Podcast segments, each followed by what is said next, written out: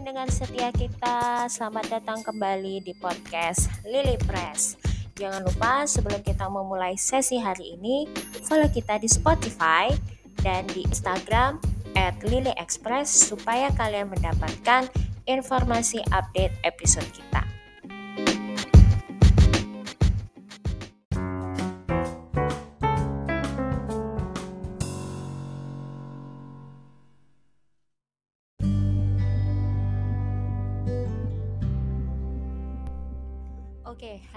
Kita pengen membahas topik yang sedang hangat dibicarakan dari beberapa minggu yang lalu di sosial media, yaitu tentang child free atau keputusan untuk tidak mempunyai anak setelah menikah. Jadi menikah dan tidak mau anak, tidak mau punya anak.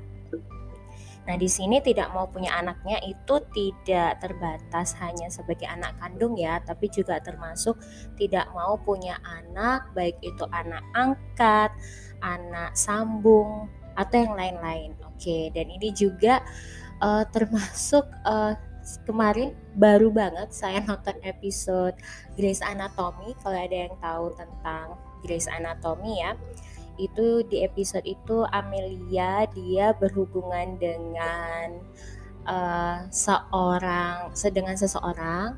Pasangannya itu ternyata dia tidak pengen punya anak karena dia merasa ketika punya anak uh, dia akan terbatas dalam melakukan pekerjaannya. Karena it, pekerjaannya akan menjadi prioritas kedua.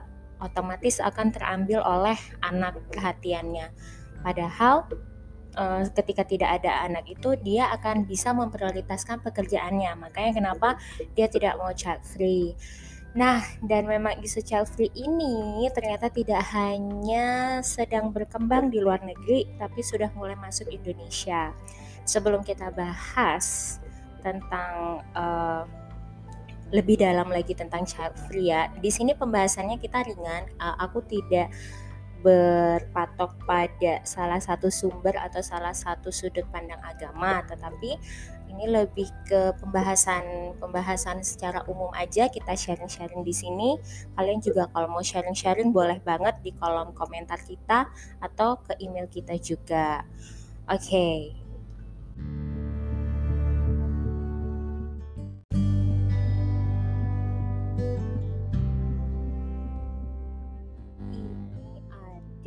Sebuah artikel yang aku temukan dari website Universitas 11 Maret membahas tentang child free dari kacamata psikolog salah satu uh, psikolog di UNS.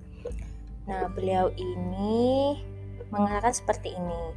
Dr. Tri Rejeki Andayani, SPSI, MSI, psikolog sosial dari Fakultas Kedokteran Universitas 11 Maret, Surakarta menuturkan bahwa salah satu pihak yang perlu dilibatkan dalam pengambilan keputusan child ialah keluarga besar.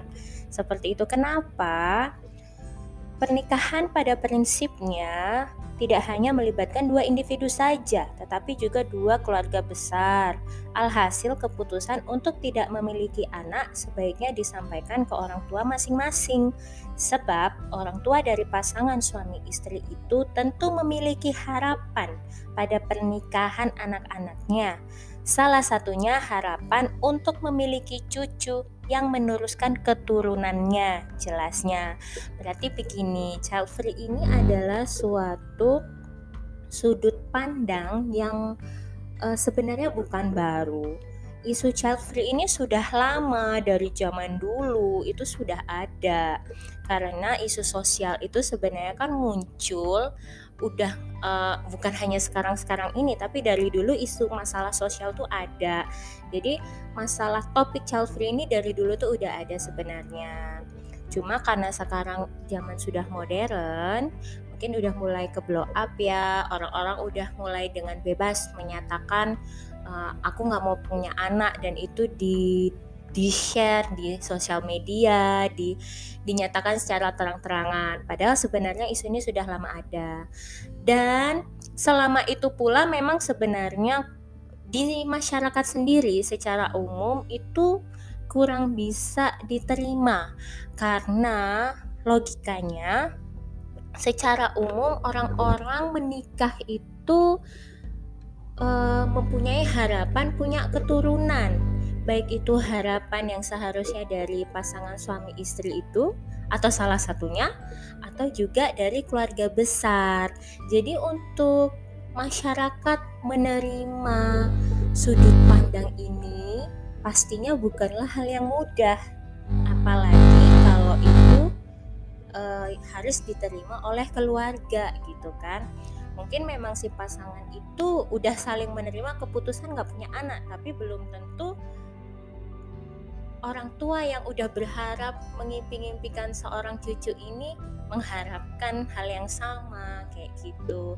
Atau mungkin juga keluarga besar yang udah wah nanti punya ponakan baru nih wah ini. Artinya mereka memang mengharapkan yang terbaik dan menurut mereka terbaik itu adalah punya keturunan punya anak. Ini bukan hanya di Indonesia ya tapi di internasional di dunia secara umum tuh seperti itu child free ini sendiri saya bacakan lagi. Sebenarnya sudah ada dari zaman awal abad ke-20 uh, eh, maaf bukan awal abad akhir abad 20 jadi istilah child free ini banyak-banyak dipilih ya dipilih uh, kan untuk orang-orang yang tidak memiliki an yang tidak mau bukan tidak memiliki ya tidak mau anak dan ini muncul di akhir abad 20. Tidak mau anak ini bukan hanya anak kandung, tapi anak tiri, anak sambung, itu mereka tidak mau. Orang yang mau punya anak, tapi mungkin memang uh, di agak sulit ya diberi cobaan untuk punya anak, tapi mereka kepingin punya anak, akan mencari solusi lain. Nah, di terobosan ilmu kedokteran sudah ada bayi tabung macam-macam ya. Dan bahkan kalau memang itu tidak berhasil pun mereka punya opsi untuk adopsi anak angkat anak anak-anak yang kurang beruntung kehilangan orang tuanya sejak dini itu bisa diangkat sebagai anak. Tapi untuk mereka yang memang tidak mau punya anak itu bahkan kepikiran untuk punya anak angkat atau pasangan yang sudah punya anak di diterima sebagai anaknya pun belum tentu dia mau seperti itu karena memang dia merasa terbebani keberatan untuk memiliki seorang anak. Jadi ini bukan tidak ma bukan tidak mau anak kandung saja, tapi anak angkat atau anak tiri pun dia tidak mau kayak gitu. Nah, paham child free ini uh, muncul dari seorang Saint Augustine, seorang filsuf dan teolog Kristen yang percaya bahwa membuat anak adalah suatu sikap tidak bermoral. Dan demikian sesuai sistem kepercayaannya menjebak jiwa-jiwa dalam tubuh yang tidak kekal. Nah, untuk informasi ya, Saint Augustine ini dikenal sebagai pengikut kepercayaan manisme di mana manisme ini adalah aliran keagamaan yang bercirikan gnostik atau gnostisisme. Nah, agama gnostik ini dia mencampurkan berbagai ajaran agama dan sebenarnya ajaran aliran gnostik ini sulit juga diterima oleh agama-agama yang ada di Indonesia. Bukan hanya Islam, bahkan Kristen, Hindu, Buddha pun sama karena gnostik ini uh, adalah hasil pikiran manusia ya dari dari yang aku tangkap dari beberapa sumber pikiran manusia yang menciptakan aliran sendiri dari hasil campuran beberapa ajaran agama lainnya. Padahal yang kita tahu masing-masing agama itu pasti punya uh, sumber atau punya prinsip masing-masing, punya parameter masing-masing, cara ibadah masing-masing dan tidak mungkin disatukan untuk hal ibadah dan ketuhanan, untuk hal kepercayaan. Kita cuma bisa saling toleransi, saling mengerti, saling memahami. Kamu silahkan beribadah dengan agamamu aku beribadah dengan agamaku. Tapi untuk mencampur baur itu tidak mungkin sama sekali tidak mungkin. Tidak mungkin ada agama yang bisa kayak Kristen dan Islam hari ini kamu ke gereja besok kamu sholat di masjid itu nggak mungkin gitu kan Nah, jadi gnotisme ini uh, ini bukan bukan keahlianku untuk membahas ya, tetapi kita melogika melogikain aja itu mencampurkan berbagai ajaran agama. Jadi ini memang aliran yang tumbuh dari hasil pemikiran manusia seperti itu. Dan itu tidak mungkin makanya kenapa banyak ditolak oleh agama lain. Jadi memang tidak sesuai dari sudut pandang agama mana pun, makanya banyak ditolak. Dan apakah sekarang masih ada? Wallahu alam kurang tahu. Dan apakah child free yang beredar saat ini itu uh, aki berkaca atau mengikuti aliran ini? Belum tentu juga ya. Jadi mungkin alirannya tidak tapi uh, paham child free-nya masih dibawa karena apa karena mungkin yang terjadi sekarang child free ini lebih ke bukan karena kepercayaan tapi karena isu sosial seperti itu.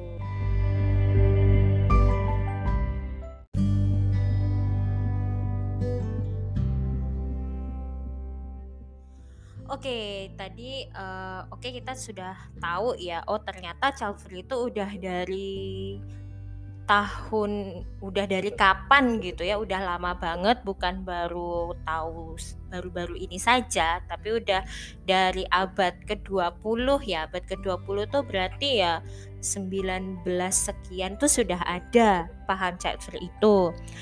Nah Tadi kita batasi dulu, ini kita uh, membahas child free dari segi isu sosial ya. Walaupun memang paham child free ini dulu dicetuskan oleh seorang filsufus, uh, sorry, seorang filsuf uh, teolog Kristen ya. Walaupun dia sebenarnya bukan bukan Kristen yang seperti ada di Indonesia, tapi dia ada alirannya sendiri. Nah, walaupun Saint Augustine inilah yang salah satu yang men mengapa ya menciptakan menciptakan bukan menciptakan apa ya menghasilkan paham ini belum tentu juga yang beredar saat ini itu karena masalah kepercayaan. Kalau Saint Augustine tadi memang dia berhubungan dengan kepercayaannya dia tapi yang child free saat ini belum tentu. Dan di pembahasan ini kita batasin ke masalah sosial bukan masalah kepercayaan. Oke? Okay? nah dan untuk Kenapa masalah sosial? Karena ini salah satu salah satu yang aku kutip juga dari artikel yang aku ambil di apa? di beberapa sumber itu seperti yang ditulis oleh seorang mana ini dia ini dia seperti yang ditulis oleh seorang penulis asal Paris, Corinne Mayer. Dia punya buku 40 Reasons for Not Having Children. Nah, dari sini mengutip dari beberapa alasan, dari beragam alasan untuk tidak memiliki anak. Di antaranya adalah satu, masalah kesehatan, termasuk kelainan genetik. Kedua, masalah finansial. Ini banyak nih, sering nih di apa diambil bukan diambil dijadikan salah satu faktor penyebab ya untuk orang e, memutuskan untuk tidak punya anak gitu ya. Ketiga, kurangnya akses untuk mendukung jaringan dan sumber daya. Ya mungkin karena dia sibuk, dia tidak tahu mau ketika dia bekerja dia punya anak anaknya ini diurus siapa kayak gitu mungkin saja ya sumber daya yang untuk membantu dia Keempat, ketakutan bahwa aktivitas seksual akan berkurang. Ini masuk akal karena saat punya anak pasti uh, kita banyak terfokus sama anak ya. Kita banyak terfokus sama anak, jangankan pekerjaan, bahkan kadang waktu untuk bersama pasangan pun akan uh, sedikit tidak menjadi prioritas. Nah, makanya kenapa sekarang itu juga banyak disaranin oleh pakar kesehatan, pakar psikolog, pakar seksologi juga bahwa walaupun kalian udah berkeluarga, udah punya anak, kalian harus punya dong me time berdua dengan pasangan, couple time, bukan me time, tapi couple time. Dan itu harus ada memang itu untuk menjaga keharmonisan rumah tangga. Yang nantinya juga efeknya adalah uh, pengaruh baik kepada anak saat orang tuanya akur, anak pun akan mendapat vibe yang positif ya. Dia merasakan lingkungan yang positif di lingkungan tumbuh kembangnya, di rumahnya. Seperti itu. Oke, lanjut lagi alasan yang kelima, ketakutan akan perubahan fisik akibat kehamilan atau trauma childbirth experience dan masa pemulihannya. Misalnya berkurangnya daya tarik fisik Ya, ini karena banyak dilihat ibu-ibu yang hamil, habis hamil melahirkan, berubahlah fisiknya, tubuh uh, badannya jadi mungkin sedikit lebih lebar, tidak seperti dulu seperti gadis gitu ya. Oke, okay, but uh, untuk zaman sekarang tuh sebenarnya udah banyak ya senam yoga, bisa nge-gym sebenarnya ya dan Makanya kenapa butuh me time, butuh couple time itu ya untuk uh, menjaga kestabilan emosi, menjaga psikologi si ibu supaya tidak trauma ketika mengurus anak. Oke. Lanjut 6, orientasi karir. Nah, ini itu tadi masalah prioritas, khawatirnya ketika anak sudah lahir karir tidak lagi bisa menjadi prioritas utama sedangkan dia suka atau dia passion atau memang dia merasa karir itu adalah anaknya seperti itu jadi tidak bisa dia tinggal yang ketujuh keyakinan akan kondisi bumi yang terus memburuk ke arah negatif sehingga menolak untuk membawa seorang anak ke dalam situasi yang kian memburuk global warming effects perang kelaparan, overpopulation, pollution, dan kelangkaan sumber daya alam. Segala peristiwa buruk tersebut dapat membawa anak hidup dalam penderitaan hingga kematian. Jadi ini seperti waktu itu kalau ada yang tahu berita tentang ibu yang membunuh anaknya karena dia khawatir dia tidak mau ketika nggak ada dia nanti anaknya nggak ada yang ngurus jadi dia memang mengalami depresi. Dia takut anaknya nanti kalau dia tinggal, dia mau bunuh diri, anaknya dia tinggal, anaknya malah mengalami uh, kehidupan yang susah, disakiti orang. Lebih baik aku bunuh aja. Lebih baik anaknya mati aja.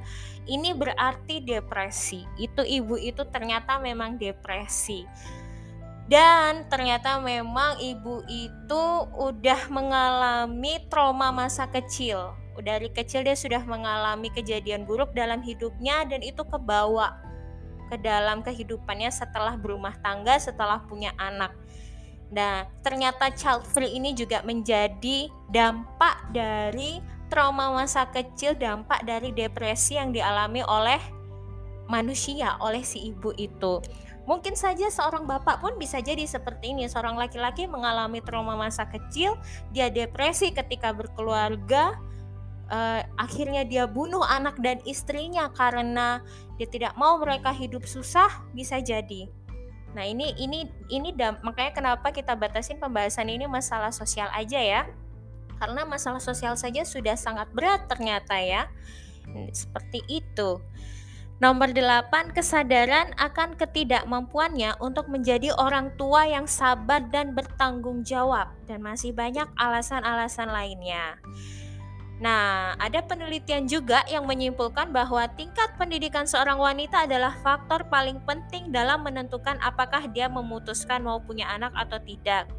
Makin tinggi tingkat pendidikan, makin sedikit keinginan untuk memiliki anak atau jika dia mau makin sedikit jumlah anak yang ingin dimiliki. Ini ya karena tadi faktor karir, faktor uh, penampilan fisik, juga faktor banyak faktor-faktor lain yang disebut tadi Secara keseluruhan, para peneliti telah mengobserva mengobservasi bahwa para pasangan yang child free ternyata lebih berpendidikan dan mungkin karena hal ini mereka cenderung ingin dipekerjakan dalam bidang manajemen dan profesional pada kedua belah pihak atau pasangan untuk mendapatkan penghasilan yang tinggi dan untuk tinggal di area urban. Mereka juga cenderung kurang religius dan tidak mengikuti aturan peran gender umum yang konvensional. Park Christine August 2005 ini hasil penelitian oleh Christine Park ya. di tahun 2005. Berarti ini memang isu yang sudah lama sekali terjadi.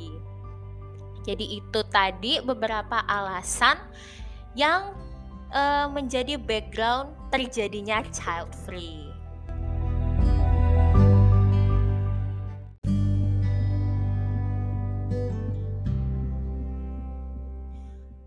Oke, setelah tadi kita mengenal dulu child free itu apa, kita sepakati bahwa child free itu tidak mau punya anak, menikah tapi tidak mau punya anak, anak apa pun itu, kandung, angkat, sambung tidak mau. Dan setelah itu kita juga sudah tahu tadi beberapa alasan sosial yang melatar belakangi keputusan sepasang suami istri ini tidak mau punya anak.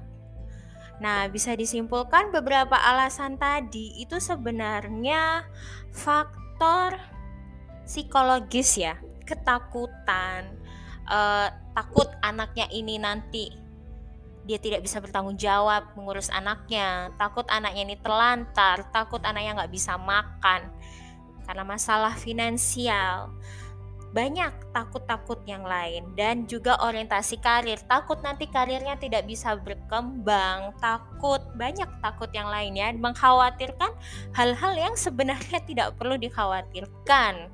Di uh, bisa direncanakan sebenarnya bisa direncanakan tapi seharusnya seharusnya sih tidak perlu terlalu dipermasalahkan sehingga bisa mengganggu kehidupan sosial di mana salah satunya itu berumah tangga untuk punya anak.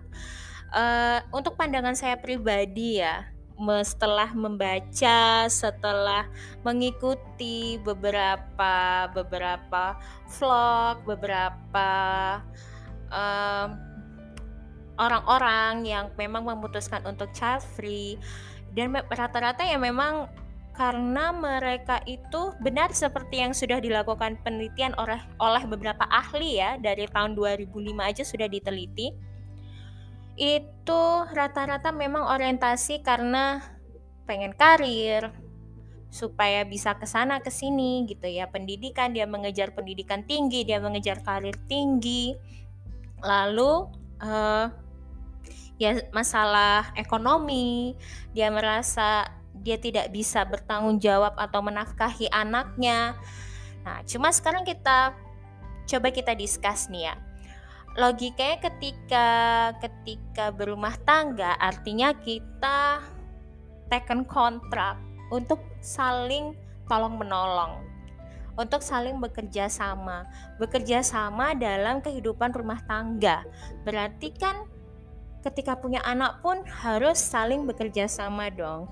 Kalau misal kita memang hanya berpikir semua kita yang handle, wow, ya pasti tidak akan bisa. Itu sih ya, ini pandangan saya pribadi. Apalagi saya sendiri juga dulu pernah bekerja dan pengalaman ya memang saat punya anak itu tidak bisa kita seperti dulu yang 100% kekerjaan kita harus bisa membagi waktu. Tapi kalau kita percaya Tuhan tidak mungkin memberikan suatu rejeki atau cobaan kepada hambanya kalau hamba itu tidak mampu. Pasti kalau kita dikasih, kita akan dikasih solusi. Kalau kita dikasih masalah, pasti kita akan ditunjukkan solusi. Dan aku yakin semua budaya, semua agama pasti seperti itu mengajarkan umatnya. Tidak ada uh, agama yang mengajarkan Tuhan itu nggak sayang sama kamu, makanya kamu dikasih cobaan terus tidak mungkin. Nah, jadi kalau kita kan orang Indonesia ya, sila pertama Indonesia adalah ketuhanan yang Maha Esa. Berarti orang Indonesia ini percaya bahwa punya Tuhan yang akan membantu kita dalam masalah apa pun atau cobaan apa pun yang kita hadapi. Termasuk ketika punya anak kita mungkin dicoba dari kesulitan punya anak atau kita dicoba dari masalah ekonomi atau cobaan-cobaan lainnya ya. Itu pastinya kalau ada cobaan akan ada jalan keluar yang diberikan oleh Tuhan. Itu kalau kita percaya. Nah, makanya punya keyakinan, punya kepercayaan itu sangat penting dalam kehidupan. Wah, ini gue udah jadi kayak ustazah aja. Oke, jadi sebenarnya kan masalah psikologis itu kalau memang yang dikhawatirkan hal-hal yang seperti disebutkan tadi di atas dan kita butuh bicara dengan orang yang tepat silahkan karena gini eh, pasti sesuatu yang terjadi itu ada efeknya child free ini efeknya nggak akan hanya pada pasangan itu pasangan itu bisa saja jadi jadi tanda tanya di keluarga besarnya. Bisa saja jadi mengecewakan keluarganya orang tuanya yang kepingin punya cucu. Dan itu akan mengakibatkan underpopulation di negara yang dia yang dia bawa gitu di negara dia gitu. Akan mengakibatkan underpopulation lalu siapa yang akan meneruskan bangsa ini pertanyaannya ya sekarang bayangin kalau semua orang Indonesia yang masih muda-muda ini tidak mau punya anak atau yang mau punya anak cuma segelintir wow Bagaimana penerus bangsa kita? Itu pertanyaannya.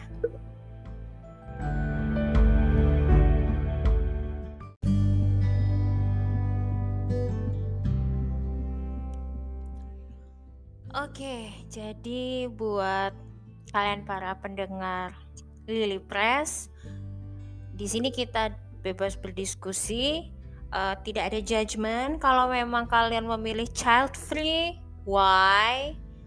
kalau kalian merasa aku pengen punya anak kok tetap why juga jadi kalian boleh kasih opini kalian sendiri tentang masalah child free ini Cuma sebelum aku closing sesi hari ini buat teman-teman apa pun pilihan kalian, at least kalian harus benar-benar pertimbangkan itu.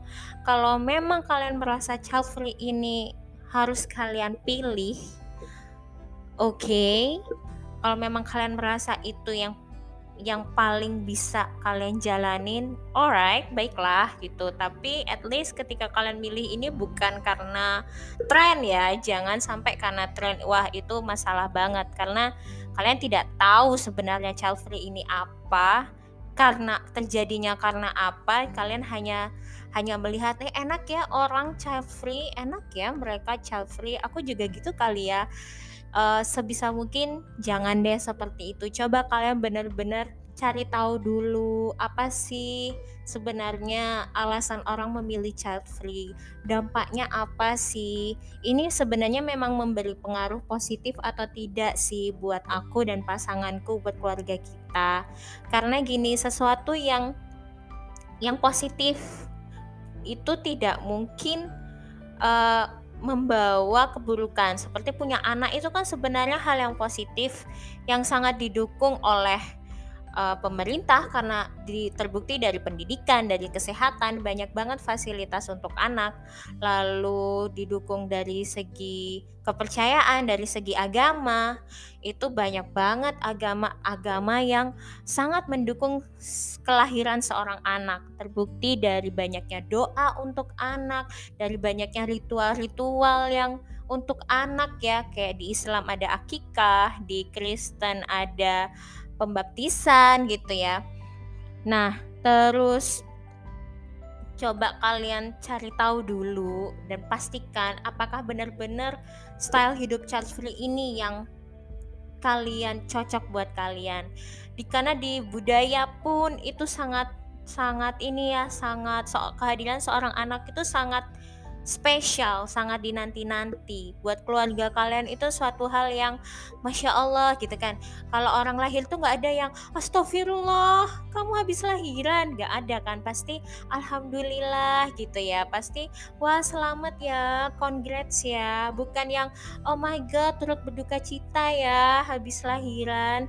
Nah jadi kan kelahiran seorang anak ini kan suatu hal yang positif. Nah, tapi kenapa kok ada orang yang memilih untuk tidak mau punya anak itu coba dipelajari dulu. Benar-benar mantepin. If you need to talk to someone yang expert di situ silahkan.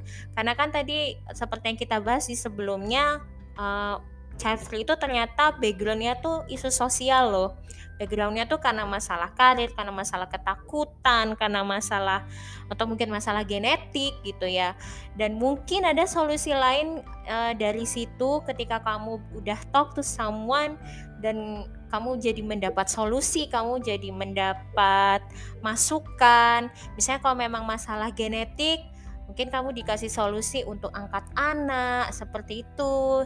Nah, kalau masalahnya ketakutan-ketakutan tadi, mungkin kamu akan diajak berpikir terstruktur ya, berpikir untuk mencari uh, penyelesaian masalah, bukan lari dari masalah.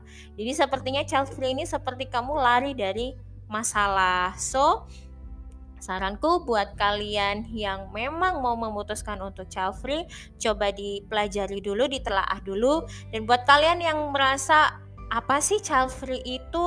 Ngapain sih ikut-ikutan tren? Coba deh pelajarin dulu. Mungkin teman kalian atau orang terdekat kalian yang memutuskan untuk child free itu sebenarnya mereka punya masalah yang membuat mereka memutuskan hal hal tersebut gitu. Jadi jangan dijudge tapi tolong deh coba dirangkul diajak ngomong.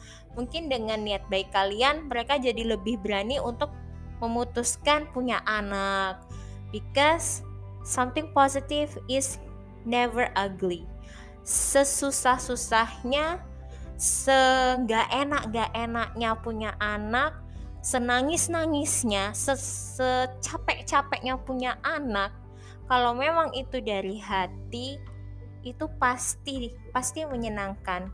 Pasti kamu akan melihat hal yang baik, hal yang positif dari memiliki seorang anak. Dan jangan takut Sekali lagi buat kita masyarakat Indonesia yang beragama, Tuhan tidak mungkin memberi cobaan kepada hambanya kalau tidak dikasih solusi.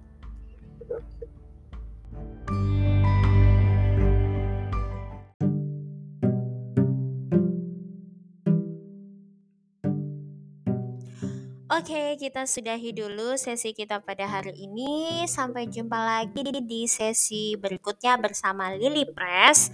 Jangan lupa follow kita di Spotify dan Instagram. Dan kalian boleh banget komen di Instagram kita pendapat kalian tentang hal-hal yang kita bahas hari ini. Kalau kalian mau kasih ide pembahasan juga boleh komen di Instagram and see you.